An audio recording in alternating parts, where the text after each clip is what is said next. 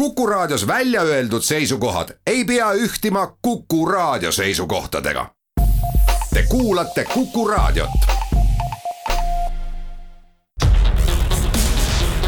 teadus teab. teadus teab tänases Teadus teab rubriigis räägime gentrifikatsioonist ehk keskklassistumisest. hiljuti kaitses Ingmar Pastak Tartu Ülikoolis sel teemal doktoritöö. täpsemini uuris ta gentrifikatsiooni Tallinna endiste tööstusasumite näitel. värske doktor Ingmar Pastak aga selgitabki hakatuseks, mis asi see gentrifikatsioon õigupoolest on. gentrifikatsioon klassikalisel kujul on üürituru poolt nii-öelda elluviidav protsess. ehk siis identifikatsiooni ähm, ja sellise elanikkonna vahetumise vahele võiks panna võrdusmärgi ja, ja see teooria on algselt olnud väga kriitiline seoses sellega, et, et ähm, kui me mõtleme näiteks Londoni või, või New Yorgi endiste tööstuspiirkondade peale, siis, siis see, see teooria ikkagi alguses selgitas seda, kuidas, kuidas tööstusklassi elamupiirkonnad leiti siis veidikene jõukama elanikkonna poolt. tavaliselt tööstusklassi esindajad olid, olid üürnikud ning, ning kuidas siis nii-öelda selline eh, võib-olla veidikene mahajäänuma piirkonna taasleidmine siis mõjutas otseselt kohalikke üürihindu ning, ning nii-öelda sundis neid siis välja kolima. Eestis on, on võib-olla see eluasemeturu olukord võrreldes selle klassikalise Londoni eh, töölisklassi elamupiirkonnaga erinev seetõttu, et, et meil on omanike ühiskond. Tallinnas on üle kaheksakümne protsendi elupindadest on, on nende endi omanike käes, kes seal ka elavad ja, ja see mõjutab ka seda nii-öelda väljatõrjumist eh, üsna, üsna palju ja olulisel määral kui siit aga minnagi edasi selliste ähm, piirkondade populaarsuse teemal, mis natukene puudutab ka sellist äh, väljatõrjumist, et saab mõelda, et kas üldse on sellist väljatõrjumist, et siis äh, noh, selgelt on ju näha olnud siin viimaste mitmete aastatega, et kui siin näiteks äh, aastaid tagasi oli Kalamaja ja Pelgulinn rohkem sellisel kehvemal elujärjel olev piirkond, siis nüüd on see ikkagi väga populaarne koht ja mis, mis üleüldse on selline põhjus, et sellisest üsna kehval järjel olevast piirkonnast siis ühtäkki äh, saab see väga populaarseks ja sinna kolivad üsna heal elujärjel olevad inimesed ja piirkond tehakse korda, näeb üsna hea välja. et mis on see, mis on see põhjus? Äh, ma arvan, et siin tuleks äh, esiteks vaadata, mis toimub kinnisvaraturul kui me läheme natukene ajas tagasi, et eh, Põhja-Tallinn on olnud eh, ka ajalooliselt eh, tööstuspiirkond ja ka nõukogude perioodil ehitati väga suured tööstuspiirkonnad ka sinna juurde või tööstuskompleksid, et, et kuidas nõukogude ajal, kui, kui, kui tööstus, tööstus arenes Põhja-Tallinnas, siis jäeti üsnagi palju tähelepanuta sellist enne teise maailmasõja aegset elamupiirkondi Eh, kaasa arvatud siis Kalamaja ja, ja Pelgulinnast suur, suur osa ja, ja ehitati samal ajal eh, juba alates kuuekümnendatest eh, korterelamuid, mis toona olid väga erinevad võrreldes sellega, mida me võisime Põhja-Tallinnas kohata, et seal olid ikkagi eh, nii-öelda kõige mugavustega korter, võis, võis öelda lõpuks seitsmekümnendatel, kaheksakümnendatel paneelelamu korteri kohta. mis tähendas seda, et, et toona väärtustati kes, kes vähegi olid võimelised korteri järjekorras edukalt äh, korteri saama, väärtustati väga seda nii-öelda paneelelamu korterit, tunduvalt rohkem kui praegu. ja see tõngas ka selle, et, et need nii-öelda puitasumid või, või siis enne teist maailmasõda töölisklassi jaoks ehitavad asumid jäid veidikene tähelepanu alt välja ning äh, sellised protsessid kujundavad ka tavaliselt seda, et, et, et kes kus elab, et pahatihti üheksakümnendatel me võisime kohata eh, sellist võib-olla ka krimin-, kriminaalset kontingenti Põhja-Tallinnas, eh, võib-olla Koplis siiamaani, et, et, et see selekteeris üsna hästi välja eh, ka, ka nende piirkondade elanikkonna.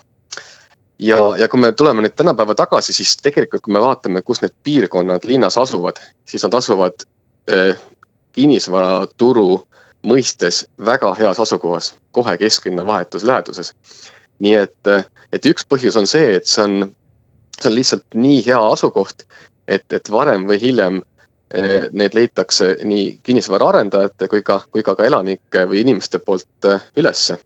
ning, ning toimub selline väärtus, võib-olla väärtus, väärtuste ümberhindamine. Et, et nüüd me, kui me võrdleme näiteks Pelguranna piirkonda ja Kalamaja piirkonda, siis me näeme, et Kalamaja kinnisvara hinnad on, on tunduvalt tõusnud. tõenäoliselt see, see väärtus oli, oli, oli vastupidine siis nõukogude perioodi lõpus.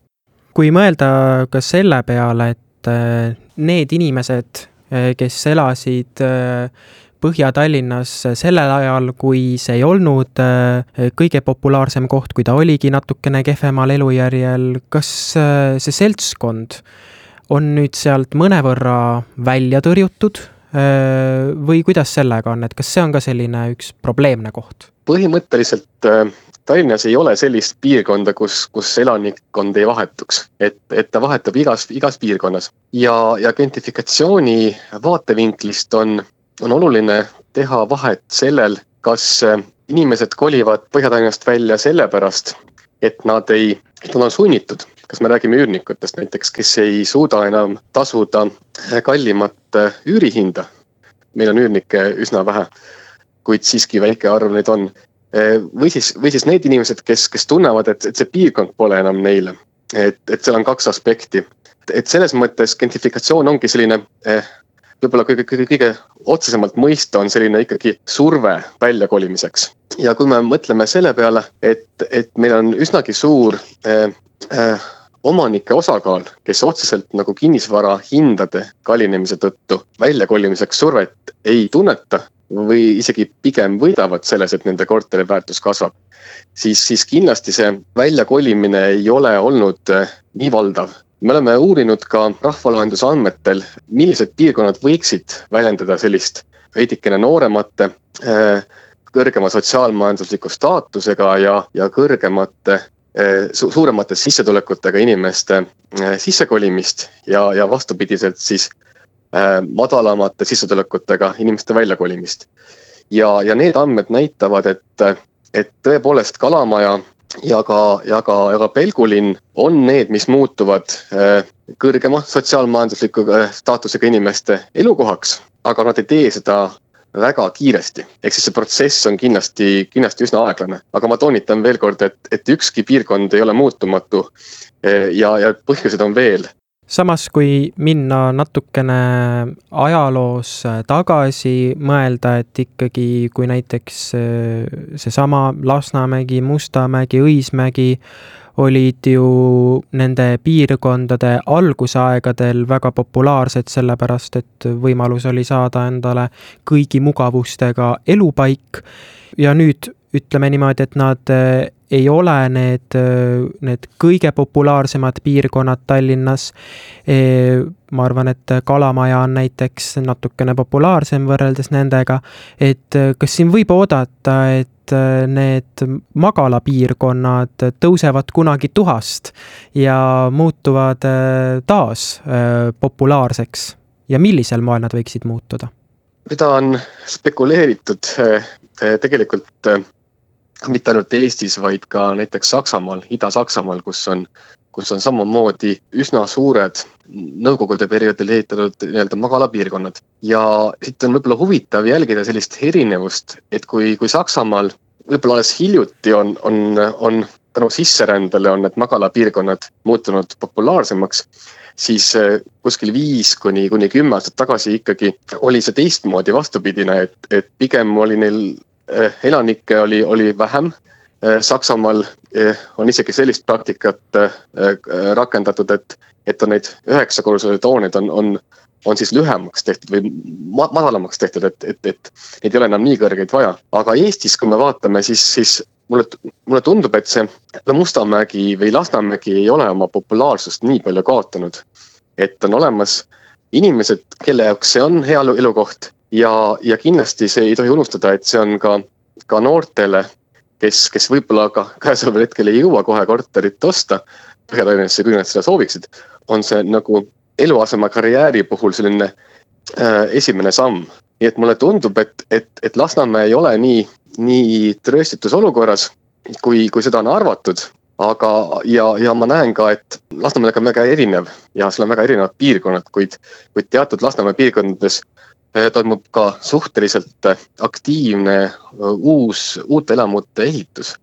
nii et ma, ma ei julge väita, kas, kas ta nüüd muutub selliseks eh, nagu Põhja-Tallinn on, kuid tõenäoliselt ta, ta ka ei, ei, ei kaota oma väärtust nii ruttu. kindlasti siin nagu sellist ühesuunalist trendi märgata ei ole, et, et eluasemeturul on erinevas vanuses ja erinevate huvidega inimeste puhul äh, on atraktiivsed äh, nii eeslinn, äh, Põhja-Tallinn kui ka ilmselt, kui ka ilmselt Lasnamägi ja, ja Mustamäe. nüüd aga läheb Teadus teab rubriik suvepuhkusele ja tagasi oleme juba sügisel. kena suve jätku teile! teadus teab. teadus teab